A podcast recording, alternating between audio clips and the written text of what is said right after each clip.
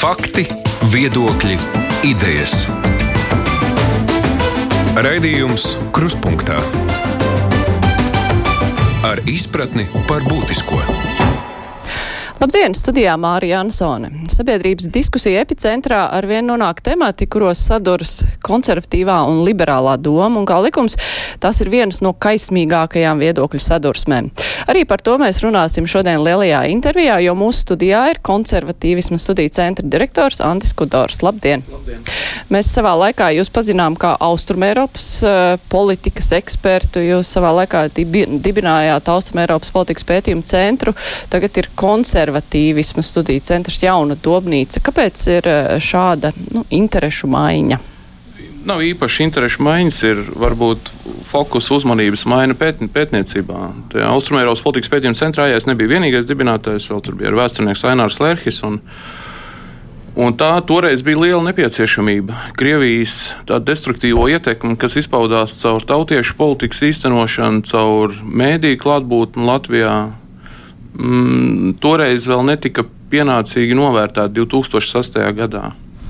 Un tagad, pēc 2014. gada, es varu teikt, ka novērojot, kāda ir, kāds ir taisim, diskurss gan Rietumē, Eiropā, gan Ziemeļamerikā, gan Latvijā, kad es domāju, lielākā daļa ir sapratusi Vladimira Putina režīma destruktīvo raksturu, sevišķi ietekmējot procesus kaimiņu valstīs. Un tur es teiktu, tā man ir sajūta, ka tur tas darbs ir zināmā mērā pabeigts. Ja, un, un ir jaunas aktualitātes. Mēs toreiz arī pētījām, un arī kolēģi turpina pētīt Krievijas dezinformāciju un visu, ko var saukt par maigo un aso varu. Un, un tas process, protams, turpinās, bet 2014. gads bija pagrieziena punkts. Un, uh, Vairs, vairs nevarēja noslēpties Vladimirs Putins. Ja, karš Ukrainā parādīja arī tiem, kas vēl varbūt pirms tam turēja acis ciet, ka viņi vairs nevar izlikties, ja, neredzot, kāda procesa notiek Krievijā.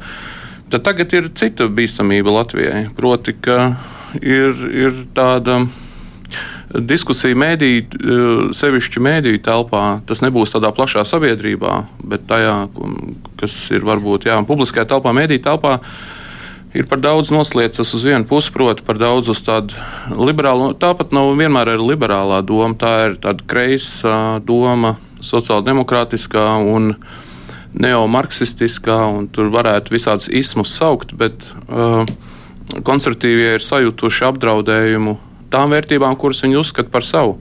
Vēsturiski, ja mēs skatāmies, konservatīvisms radās kā reakcija uz kaut ko, ja mēs vērtējam uh, kur no politiskām ideoloģijām ir vecāka, tad liberālisms ir vecāka.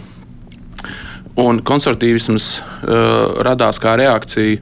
Viens no tādiem pamatlicējiem ir Edmunds Bergs, britu domātājs, kurš reaģēja, kurš reflektēja uz procesiem, kas notika Franču revolūcijā un pēc tās, uz visiem jakobīņu lietām un uz, uz, uz teroru, un tā skaitā uz dabiskās ģimenes eroziju tajā laikā. Uh, Un konservatīvismu studiju centrs radās, jo es ticu, ka ir nepieciešamība.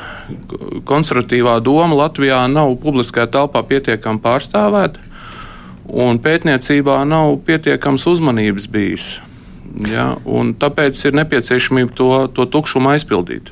Kāpēc uh, nav pietiekami pārstāvēta? Mums tomēr ir mēdīji arī, kuri nu, vairāk pauž konservatīvākus viedokļus.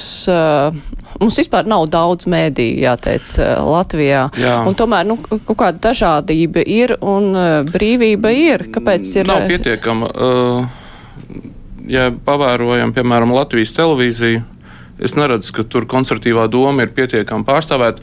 Atbilstoši tam, ko mēs novērojam, kāds ir sabiedrības eh, dažādas eh, strāvojumu, kāds ir dažādu sabiedrības grupu viedoklis.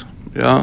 Tad, tad tas līdzsvars ir eh, tie, kas spriež konservatīvi, tie jūtas, ka, ka viņu balss nav pietiekami izskanējusi. Ja? Ir privātie mediji, tagad nevienu nereklamējuši, bet ir tādi, ja, kas to konservatīvo domu vairāk popularizē, un privātajiem ir tiesības. Es domāju, ka Latvijas sabiedriskajā mēdījā es gribētu redzēt vairāk konservatīvo domātāju intervijas, un paldies jums, ka jūs esat mani uzaicinājuši. Bet es arī sociālās zinātnes dažādu iemeslu dēļ 90. gados uh, ieguva ietekmi no liberāli noskaņotajiem pētniekiem Ziemeļamerikā un Rietumē Eiropā. Un tā inerce arī turpinās. Es skatos saviem kolēģiem, politologiem, un es to nepārmetu. Ja es respektēju uh, jebkuru mm, viedokli un, un pārliecību, un katram ir tiesības uz savu arī politisko ideoloģiju, ko, ko katrs indivīds uzskata par sev visatbilstošāko. Bet tomēr, tomēr tas līdzsvars nav varbūt tie paši žurnālisti, kas ir mēdījos, viņi varbūt daļa jūtās, kā, ka tas tā nav, bet es domāju, te vajag tieši uzklausīt konservatīvi domājošos, lai, lai, lai saprastu, uh, kā, kā šī sabiedrības daļa jūtas. Bet vai šī noskaņojuma maiņa nav vienkārši nu, tāda svārstveidīga? Kaut kas notiek, cilvēki sāk domāt vairāk liberāli, pēc tam sajūt, ka pietrūkst konservatīvā, tad svārstās uz otru pusi. Nu, ka šīs pārmaiņas vienkārši ir loģiskas, tāpat kā valdības valstīs, kur ir demokrātiskas vēlēšanas, arī mainās. Dažreiz ir konservatīvie, dažreiz liberāļi, un tas ir nu, tāds plūdums, kas ļauj gal galā attīstību noturēt noteiktā virzienā stabili. To redzēsim, ja, kā virzīsies tie procesi, kas pašlaik notiek. Diemžēl bažas konservatīvā nometnē ir tāda, ka tas, tas, tā gūzma, kas nāk no, no Rietumē Eiropas un daļai arī ASV, zaudē pozīcijas ja, konservatīvie viena pēc otras. Tas satraukums ir tomēr, ka tas process aizies pārāk vienvirzēji, vienā virzienā. Turklāt, tie, diemžēl, tie mūsu kolēģi, kas sevi sauc par liberāļiem, lai gan tur tas liberālisms tiek sakompromitēts, jo klasiskais liberālisms, Loks un citi domātāji nu, iestājās piemēram par nāciju valsti un jā, akcentēja individu tiesības, bet uh, tomēr tur nebija tā komponente klāt, ko mūsdienu konservatīvi un sevišķi kristieši, kuri arī izvēlējušies ne visi kristieši, bet tie, kuri sevi kā savu politisko ideoloģiju skata konservatīvismu, tie daudz procesu skata vispār kā destruktīvus. Ja? Nevis vienkārši kā vēl jauna doma, bet tāda, tādi strāvojumi, kas grauj. Tā, tas ir, eh, protams, Latvijā tas arī sākās ar, mm, ar kā re, konservatīvo reakciju uz satversmes tiesas lēmumu, ja, kur uh, tiesa lēma par labu. Uh, paternitātes pabalstu piešķiršanai mammas draudzenei lesbietei. Tas, nu, tas ir tā, teiksim, tie, kas spriež uh, tradicionāli par to, kas ir ģimene, un, un vēlas aizstāvēt dabisko ģimeni, tie to uztver kā lielu, lielu uzbrukumu un zaudējumu, pie tam tādu nažu dūrienu mugurā. Jo tas bija pilnīgi negaidīti, ka satversmes tiesa izies ārpus savas kompetences robežām un sāks lemt tos lēmumus, kas ir jā, jālem parlamentam. Ja? Tāpēc mums ir šis atsvaru un līdzsvaru sistēma, check and balance, angliski, uh, kas ir vērtīga lieta demokrātijā. Un tur katram atzaram ir, ir uzdevums arī līdzsvarot pārējos, bez šaubām. Un tas, starp citu, arī balstās diezgan tādā konservatīvajā domā, proti, cilvēks nav ideāls. Cilvēks ir grēcīgs, un te atšķiras konservatīvs viens no pamatu uzstādījumiem, kāda ir cilvēka daba un tad tai atbilstoši jābūt pakārtotai valsts iekārtai un politikai. Atsvaru un līdzsvaru sistēma, ka mums ir šie trīs varas atzari, plus de facto vēl ceturtais, kas nav īstenībā varas atzars, tas ir tā saucamā vara, ir mēdī. Te ir jāatcerās žurnālistiem, ka viņi ir tā saucamā vara. Mums tātad satversme saka, mums ir trīs. Un mēdījiem, protams, šajā arī kon savstarpējā kontrolē arī ir vērtīgs uzdevums un svarīgs un arī tas balstīsies konservatīvismu idejā. Proti, cilvēks nav ideāls, mēs labā nozīmē viens otru jā, politikā pieskatām, un tā arī ir varas atzara. Bet te ir aizgājis par daudz, uh, satversmes tiesma ir uzņēmusies par daudz.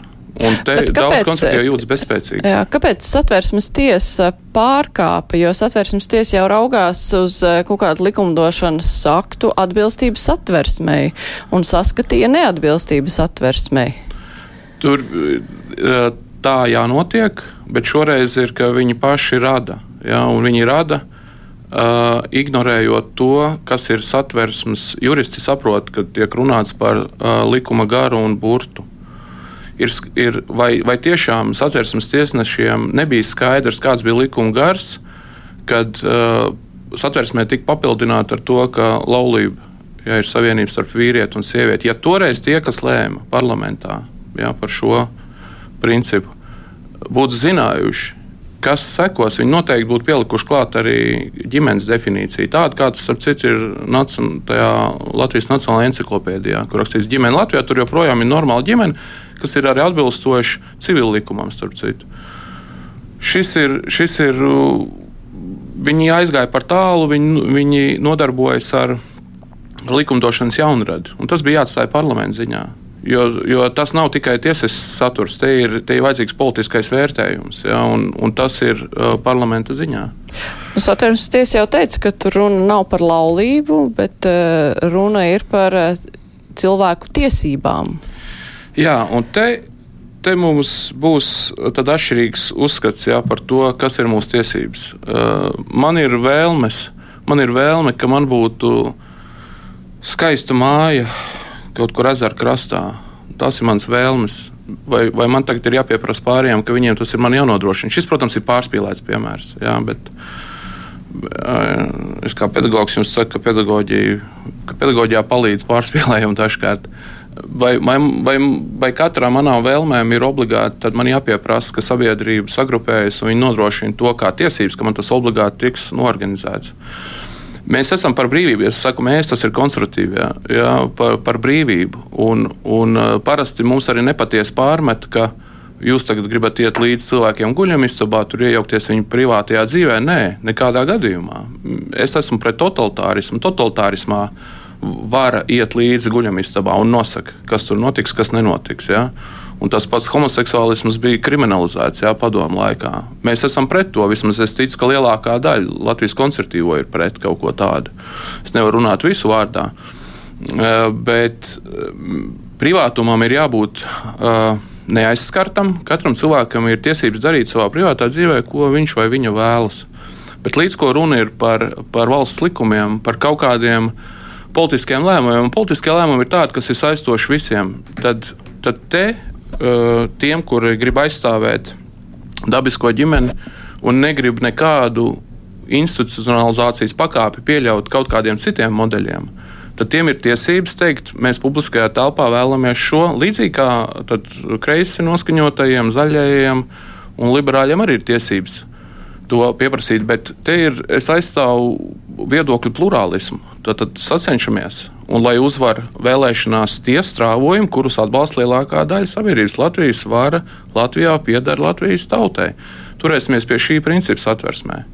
Un te ir vēl tā sistēma, jau nav slēgta. Latvija kā maza, atklāta, atvērta valsts eh, tiek caurstrāvot ar dažādiem vējiem. Un tie vēji, kas ir eh, saistībā ar izpratni par to, kas ir ģimene, tie, tie ir pašlaik tādi, kas šo vienu no svarīgākajiem valsti veidojošajiem pamatelementiem, proti, dabisko ģimeni, viņi drupina. Un tas ir ne vairāk, ne mazāk kā valsts idejas arī drupināšana. Vienkārši e, netiek domāts par B, C, D un E. Tur druskuļi es gribu palikt nost uz tādu, kas tad ir tie CD. Olimpiādē Tokijā piedalīsies vīrietis. Uh, Svarcelšanā sacensties ar sievietēm. Jā, šis tagad nav runa par dabisko ģimeni, bet Mēs to skatām kā tādu kompleksu ko, kopumu, principu kopumu, ko LGBT ideologi un viņu vērtību aizstāvja, tad popularizē. Tur, diemžēl, šis būs klāts. Viņi jau arī nav visi vienādi, līdzīgi kā koncerti jau vienādi. Es negribu, protams, šī vispārināšana dažkārt ir riskanta, tie, kas teiksim, šo olimpisko domu neaizstāv, nevis olimpisko domu, bet to, ka vīrieši drīkst sacensties ar sievietēm sorcelšanā tad es jau uz laikus esmu gatavs atvainoties, jā, ja, ja visi tā nedomā, bet tomēr tā ir daļa no, no tādas kopējās ideoloģijas. Un šie B, C, D un E, kad tiek runāts par to, ka piedodiet, toaletēm jābūt kopīgām un, un uh, nedrīkst vairs teikt, dažās situācijās tēvs un mamma, jāsaka, vecāks viens, vecāks divi. Šie trauksmes zvaniņi, kas nāk no, no Rietuma Eiropas, ir satraucoši. Jo, jo mēs nojaušam arī tas, ka dažs mācītājs kristīgos sāk vajāt par to, ka viņi runā, ka homoseksuālisms ir grēks, kas ir viņu bībeles pārliecība. Šie trauksmes zvani ir tie, kas uh, liek Latvijas konservatīviem arī zvanīt trauksmes zvanu un teikt, šis process nav labvēlīgs. Ja? Tam būs vidējā un ilgtermiņā sliktas sekas, kas ietekmēs dažādus sociālos procesus. Ne, ne tikai burtiski to, kas tur būs ierakstīts likumā. Un tomēr par dabiskās ģimenes drupināšanu ļoti bieži cilvēki, kuri paši ir, nu, kuriem pašiem ir tradicionāla ģimene, mamma, tētis, bērni. Viņi saka, nu, manu ģimeni neviens nedrupina ar to, ka kādam citam ir kaut kādas citas ģimenes attiecības. Respektīvi, ka tie cilvēki, kuriem būs tā dabiskā ģimene, tiem arī būs un viss. Jā, un vienlaikus bērni un pusauģi ir, ir neaizsargātās grupas. Un tie eksperimenti, ko mēs arī redzam ar dažādiem, tur, gan ar multiplikāciju, gan ar, tur, ar kaut kādiem reklāmas klipiem, tā, tā, ir, tā ir riskanta lieta. Tie cilvēki, kuriem ir kādas tendences, patsmetnieki, uh, viņi ir riska grupā un viņus var pavirzīt uz vienu vai uz otru pusi. Uh, valsts un Latvijas nācijas ilgspējīgai attīstībai ir labi, ka, ka būs dabiskās ģimenes, būs daudz bērnu. Ši, šis ir uh, demogrāfijas, no demogrāfijas perspektīvas arī svarīgs uh, jautājums. Ja vide būs tāda, kur būs daudz reklāmas homoseksuālām attiecībām kā normai, tad, tad konservatīvie uzskata, ka tas būs riskanti un tur būs tad, uh, neaizsargātie prāti, kas pavilksies uz to pusi. Eh, klausītāja raksta, ka netik sen pat rietumu pasaulē sieviete nevarēja ne balsot, ne strādāt, ne pat iziet uz ielas bez vīriešu pavadības. Vai jūs vēlties savā konservatīvismā arī to iznīcināt, ko ar pūlēm izdevās sasniegt sabiedrībā? Nu, tā vaicā klausītāja savukārt atgriežoties pie tā, ka jūs teicāt, ka nu, arī es kaut ko daudz ko gribu. Nu, savā laikā sievietes tiešām gribēja arī balsot, arī strādāt, arī būt līdzvērtīgas, nevis kā piedeva vīrietim. Vai tas, tas jau arī bija tāds nu, jauninājums tajā laikā, un tā laika konservatīvie teica, kā tā taču nedrīkst. Jā, Bet mēs taču neiesim soli atpakaļ. Būs lietas, ne? kas būs mainījušās, un uh, iespējams, ka ir Latvijas konservatīvi domājušie, kas teiks, ka, ka tas nav labi, bet uh, es domāju, lielākā daļa Latvijas konservatīvo neiestāsies par to, ka, piemēram, sievietēm būtu jāatņem balsošanas tiesības. Nu, nē, taču. Jā, nu, te, protams, tur ir uh, daudz ko var spriest par šīm lietām. Atceros, viens no Latvijas psihoterapeitiem teica, ka diemžēl daudzas sievietes grib kļūt par labiem vīriešiem, nevis par labām sievietēm. Bet, bet uh, runājot par vēlēšanu tiesībām, nu nav. Es nekur neesmu dzirdējis, ka kāds, vismaz tie, ar ko es komunicēju Latvijā, ka tie teikt, ka te ir kaut kas jāizmaina. Tagad, nu, nē, taču. Protams, ka nē. Runa ir par dabisko ģimeni, un vēl konservatīvā doma nav jau tik šaura. Uh, arī, kad domnīcu mēs veidojam, mēs arī tajā mūsu mājaslapā ierakstījām, ka nu, pašlaik vienkārši tā diskusija dēļ satversmes tiesas lēmumiem ir tieši par šo, bet īstenībā runa ir par daudz ko, tā skaitā par ekonomiku. Konservatīvajiem, ja skatāmies uz politisko ideoloģiju, tur jau ir, ir daudz dažādu aspektu. Tā skaitā arī viedoklis par to, kas ir labākā ekonomiskā politika valstī, proti, tie zemi nodokļi un vienkāršoti to varētu saukt par, par tādu makšķeru izdalīšanu, nevis, nevis zivju dalīšanu. Ja? Tas būtu pretēji uh, konservatīvā doma šajā ziņā, ir pretēji sociāldemokrātiskajai, kur tiek akcentēti lieli nodokļi un, un daudz pabalstu, un es neesmu pret pabalstiem. Uh, konservatīvie politiķi jau, ne, jau nav jāturās pie tādām dogmām, ka vienmēr visur risinājumam jābūt tādam atbilstoši kaut kādam klasiskam uzstādījumam politiskajā ideoloģijā. Uh, politiķi, ja viņi rīkosies gudri, viņi būs arī elastīgi. Piemēram, ja tie, nu, pieņemsim, ja pabalsti ir galīgi par zemu vai, nezinu, pensijas ir cilvēku cieņa aizskarošas, uh, tas pensiju lielums. Uh, tad ir normāli, ja konservatīvi piemēram, teiks, mums vajag lielākas pensijas un pabalsts. Ja? Tas ir jāskatās um, arī konservatīvā doma, tā skaitā ekonomiskajā plānā, konkrētajā brīdī, konkrētajā valstī. Ja? Tas ir tāds kopējais ietvars, pēc kura var vadīties, un kas vispār ir politiskā ideoloģija. Ja? Tas ir tāds vērtību un principu uzstādījums, kas konstatē kas pirmkārt paziņo, kas ir viņu vērtības, principi, un tad konstatē, kas ir problēma pašlaik konkrētajā valstī kas ir soļi, lai šīs problēmas novērstu. Ja, tāpēc tas, tā ir nevis vienkārši ideja, bet politiskā ideoloģija. Tur būs uzstādījumi, ko darīt. Un te atšķirsies, piemēram, liberālā doma ar ekonomikā un konservatīvā. Proti, ja liberālā doma par azartspēļu jautājumu būs tāda, ka, ka tik nauda nāk, tad konservatīvie teiks, nē, te ir vēl sociālā puse, ģimenes sabrūk, ģimenes šķiras. Azartspēļu atkarība ir graujoša, destruktīva, un tāpēc to vajag ierobežot. Tā naudiņa valsts kasē ienāks pa citiem ceļiem. Tie, kas ir atkarīgie, ja viņi nebūs atkarīgie, viņi pirks drēbes, ēdienu, automašīnu un rotas lietas sievai. Un, attiecīgi, nu, šī, tā tad nevis nauda par katru cenu, bet tātad morāles vērtības arī ir svarīgas, un, un ģimene ir viena no šiem fundamentāliem faktoriem.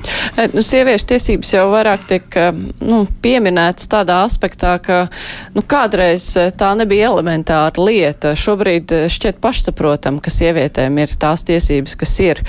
Un, tas nozīmē, ka varbūt kaut kas, par ko tagad cīnās par pārmaiņām, ka kādreiz šķitīs pilnīgi normāla lieta, jo sievietes ieguva tiesības balsot un pasauli nesagruva.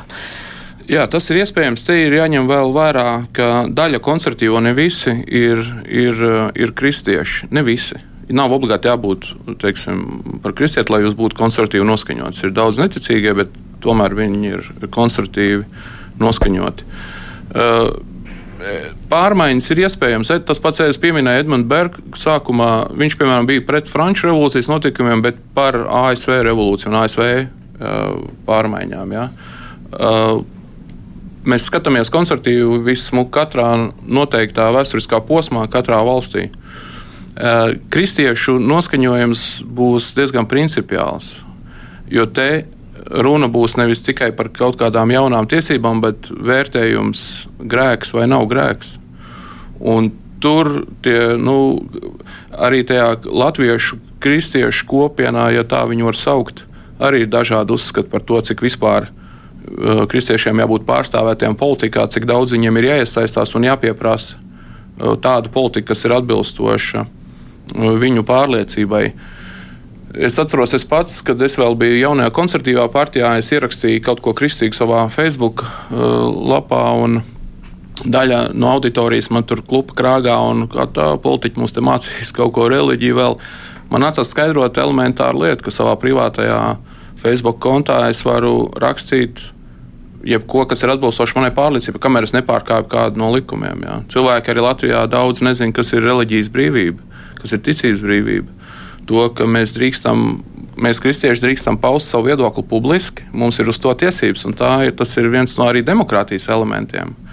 Un, un, e, kur ir problēmas ar daļu no liberāli noskaņotiem un kreisi noskaņotajiem? Ne, ne visiem, bet daļu. Es uzsveru, ka daļu.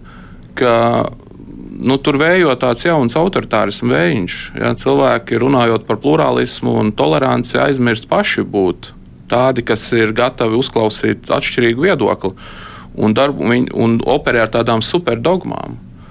Kaut, ko, ka, kas, kaut kas ir iekalts uh, akmenī, nu, piemēram, par tām pašām uh, LGBT uh, idejām, nu, ka tur kāds pateica kādā valstī, ka tās tagad ir tiesības un visiem obligāti ir uzreiz jāpiekrīt.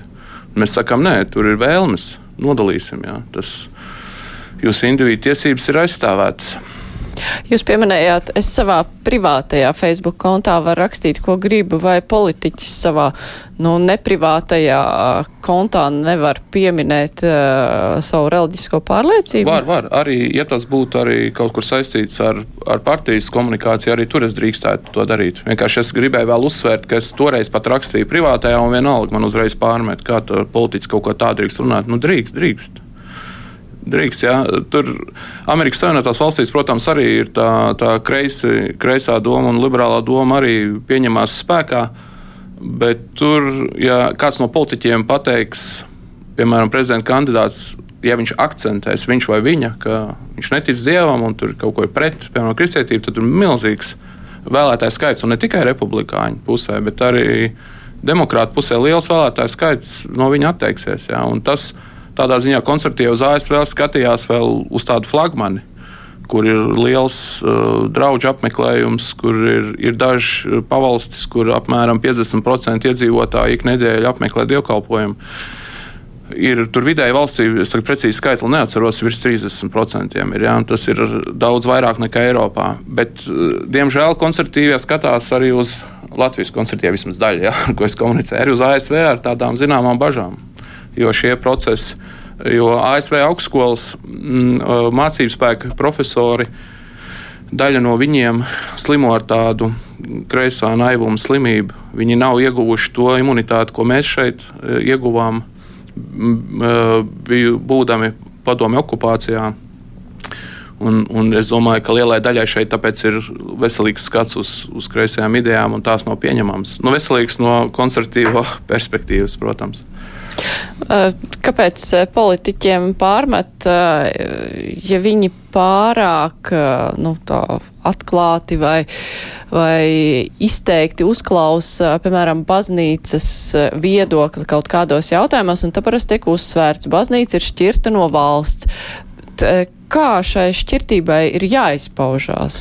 Tas ir ļoti labs jautājums, un es ceru, ka mēs atradīsim finansējumu. Mēs vēl neesam atraduši konservatīvismu studiju centrā mums ir doma vienu no pirmajiem tādiem pētījumiem vai analītisku rakstu krājumiem veltīt tieši šim jautājumam, proti, ko nozīmē valsts un baznīcas šķirtība, ja? ko tas nozīmē praktiski, ko tas nozīmē teorētiski.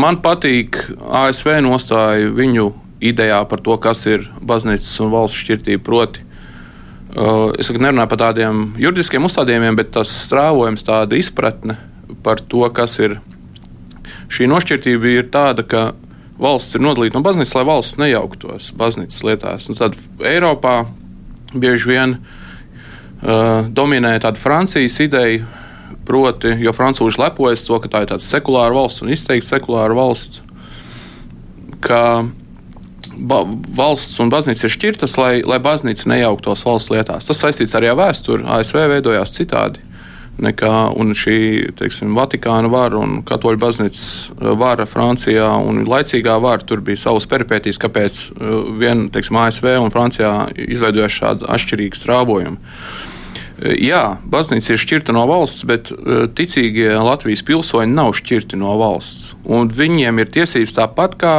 jebkurai citai interešu grupai, vai tamborētāju pulciņām, vai makšķernieku biedrībai, vai jebkādiem citiem Viņam ir tiesības pieprasīt politikā atbilstošu, uh, atbilstošu rīcības politikas viņu vērtībām.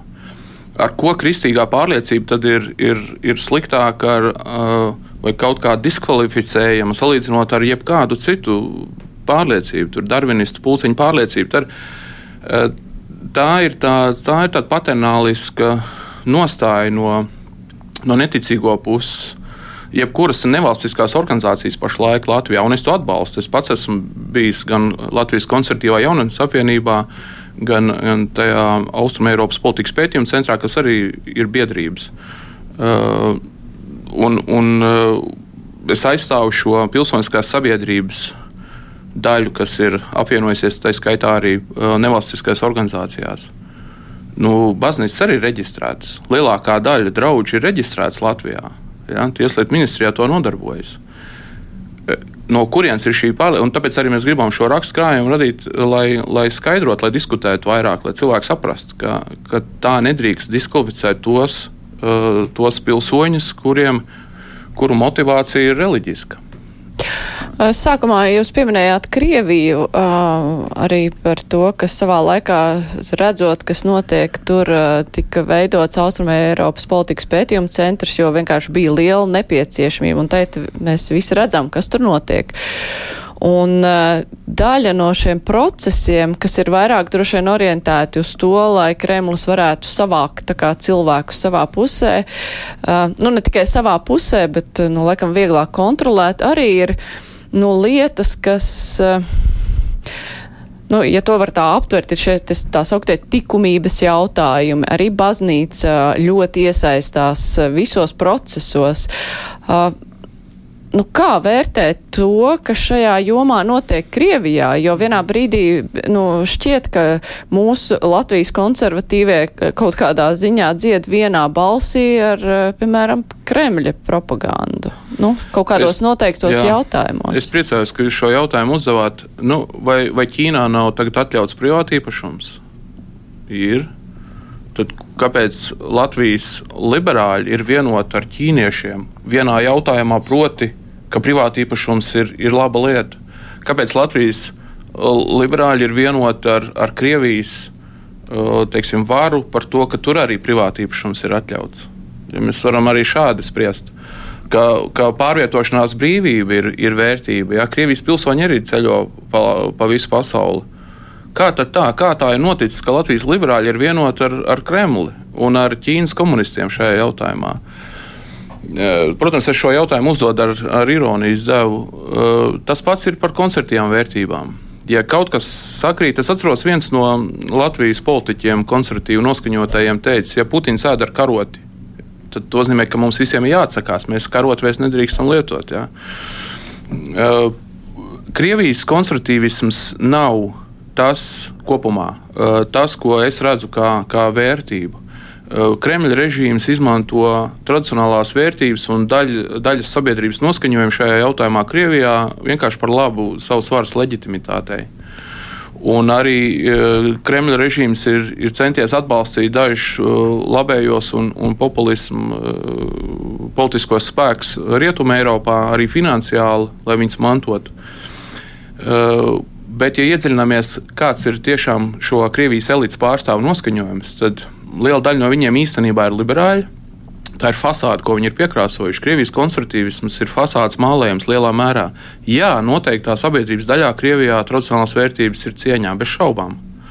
Bet, uh, pieminot uh, reliģis, reliģijas brīvību, Krievijā Maskavas patriarchāts ir, ir tādā kalpa lomā uh, attiecībās ar Kremli. Viņi ir, viņi ir pārāk cieši sasaistījušies. Uh, Krievu pareizsakā baznīca uh, iestājas pret reliģijas brīvību Krievijā. Man tas pilnīgi nav pieņemams. Tas, ka Krievijas propagandisti izmanto vēstījumu, ka Krievija tagad ir garīguma cietoksnis, viņi tagad cīnīsies pasaulē par to. Nu, labi, paskatāmies pētījumus, reliģijas pētnieku un sociologu pētījumus Krievijā ik nedēļu uz dievkalpojumu aiziet. Es tagad neatceros precīzi skaitli, bet tur būs kaut kur ap 10, varbūt kaut kādi 11 cilvēki. Tas ir apmēram kā Vācijā. Un es pirmīt minēju ASV piemēru, tur būs virs 30% un dažos štatos.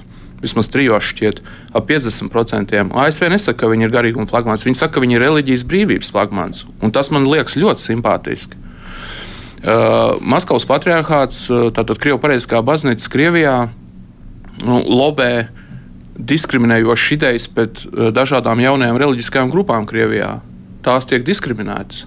Viņiem nav iespējas brīvi sludināt uh, vairāk, un dažādiem reliģiskie uh, teiksim, sludinātāji sastopas ar, ar represijām Krievijā.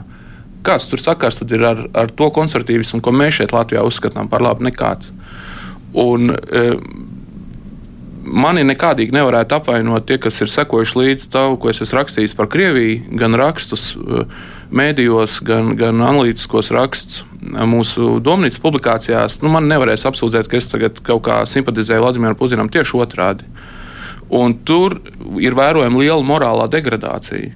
Uh, Krievijā me, tas ir melu režīms. Kā meli, un, ja skatāmies no kristīgās perspektīvas, Sātans ir melu dievs. Jā, viņš visu laiku melo. Uh, Putins nepārtraukti melo. Nu, pat es skatījos, nu, nepār, nevis nepārtraukti, bet teiksim, tā bieži. Ja, tā viņa, tas, ko viņš runā publiski, nu, pat bija viņa tiešā līnija komunikācijā ar sabiedrību. Nu, es brīžiem smējos, brīžiem nopūtos. Es to skatījos, jo es turpinu pētīt uh, procesus Krievijā. Uh, es neredzu Krievijā arī politisko strāvojumu vidū pašlaik tādus konservatīvos spēkus, politiskos, kas būtu uh, radniecīgi tā izpratnē, kas mums šeit ir Latvijā par to, kas ir labs konservatīvisms. Ja, es neredzu. Tas ir arī tie, kas ir Krievijas nacionālisti, viņi ir noskaņoti impēriski. Ja, tur, tur ir tik maz saskarsmes punktu, un tāda valsts kā Polija, kur arī konservatīvisms ir, konservatīvā politiskā doma ir ļoti populāra, viņi arī redz to, kas ir Kremļa režīms. Viņi, viņus arī nekādīgi nevarēs apsūdzēt kaut kādā draudzībā ar Vladimiru Putinu. Tad, kad es biju kandidāts no JKP Eiropas uh, parlamentu vēlēšanās, es, es to redzēju kā vienu no saviem uzdevumiem. Ja es tiktu ievēlēts, ka es būtu Eiropā komunicējis ar konservatīviem tur, tiem, kas ir naivi uzķērušies uz Kremļa propagandu, vai nu pārdevušies tur par naudu, vai arī par tiem būtu grūtāk runāt. Bet tie, kas ir kaut kā naivi uzķērušies un redz Putinu kā sabiedroto konservatīvo vērtību aizstāvībā, es, es, es nodarbotos ar skaidrošanu ar, ar pētījumu rādīšanu un tam līdzīgi. Proti, nu, neuzķeraties uz, uz propagandu. Tiem, kas aizstāv, daļa no tiem, kas aizstāv tradicionālās vērtības Krievijā un konservatīvismu īstenībā īpašumi ir naidīgajās NATO valstīs. Un, un, viņu bērni mācās rietumos, viņi ir lieli rietumnieki. Ja, tur vienkārši ir par daudz melu, un tur vajadzētu atsijāt to, kas ir, kas ir vērtīgs tiešām, kur mums tad viedokļi sakritīs. Ja, par to, ka, piemēram, homoseksuālismu nevajag nekādi propagandēt. Un bērni un pusauģi ir jāpasargā ja, no, no kaut kādas riskantas informācijas. Tik tālu mums kaut kur sakritīs, bet būs milzīgs saraksts ar, ar principiem un vērtībām, kas Latvijas koncertīviem necik nebūs pieņemams uh, Krievijas sniegumā. Es nevaru nepaprasīt par šampanieti. Kāpēc tas Krievijai bija vajadzīgs šis šampaniešu stāsts? Un, un tas, ka Franči piekāpās un uh, patiešām piekrita nesaukt savu īsto šampanieti par šampanieti Krievijas teritorijā. Nu, te visas ekonomiskās cīņas ir arī armēņiem ir par, par konjaku. Jā, arī būs cīņas ar Franciju. Es šajā jautājumā neesmu īpaši iedziļinājies un nevarēšu īpaši komentēt. Jā, bet tas mēs atceramies 91. gadā ka Savietskais šampanskai, tātad tulkojumā padomu šampānietis, tika pārsaukts jā, par Savietskija grīstī, laikam, jā, kaut kāds dzirkstošais, nu, ar domu, ka tas ir dzirkstošais vīns.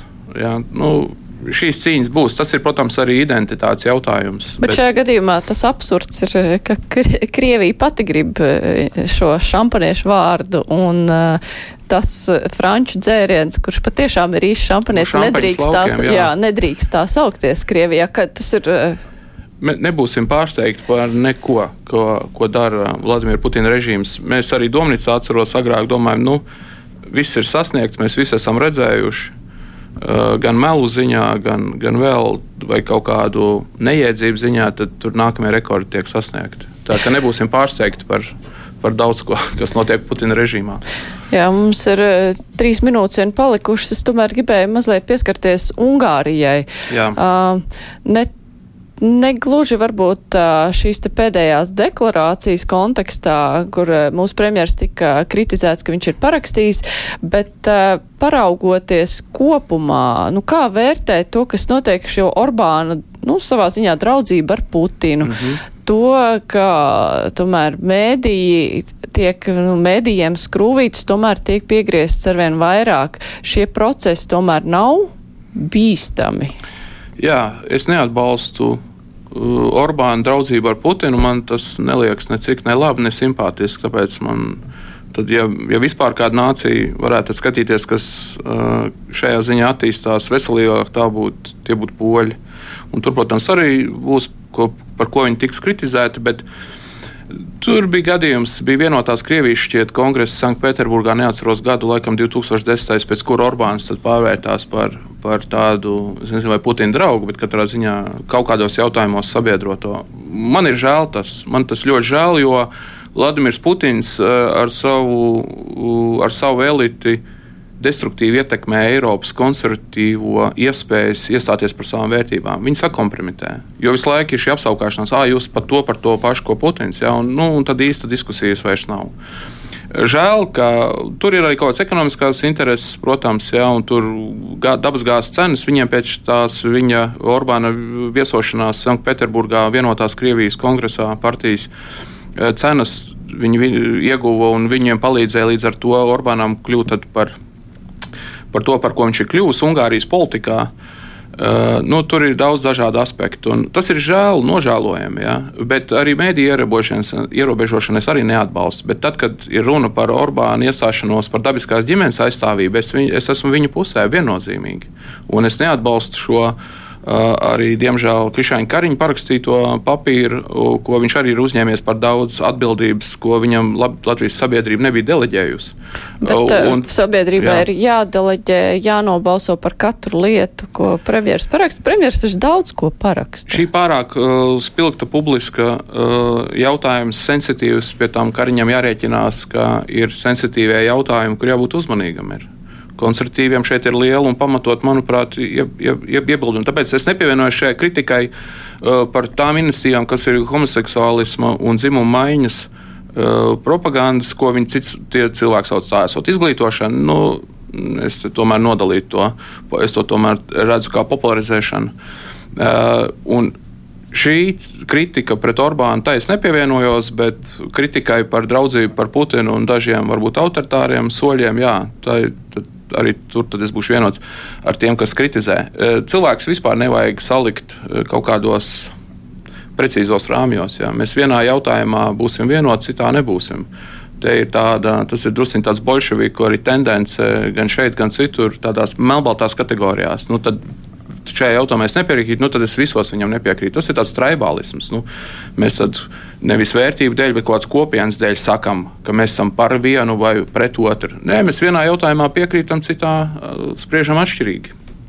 Jā, es savukārt teikšu jums paldies par sarunu. Atgādināšu, ka šodien kopā ar mums bija konservatīvisma studiju centra direktors Andis Kudors.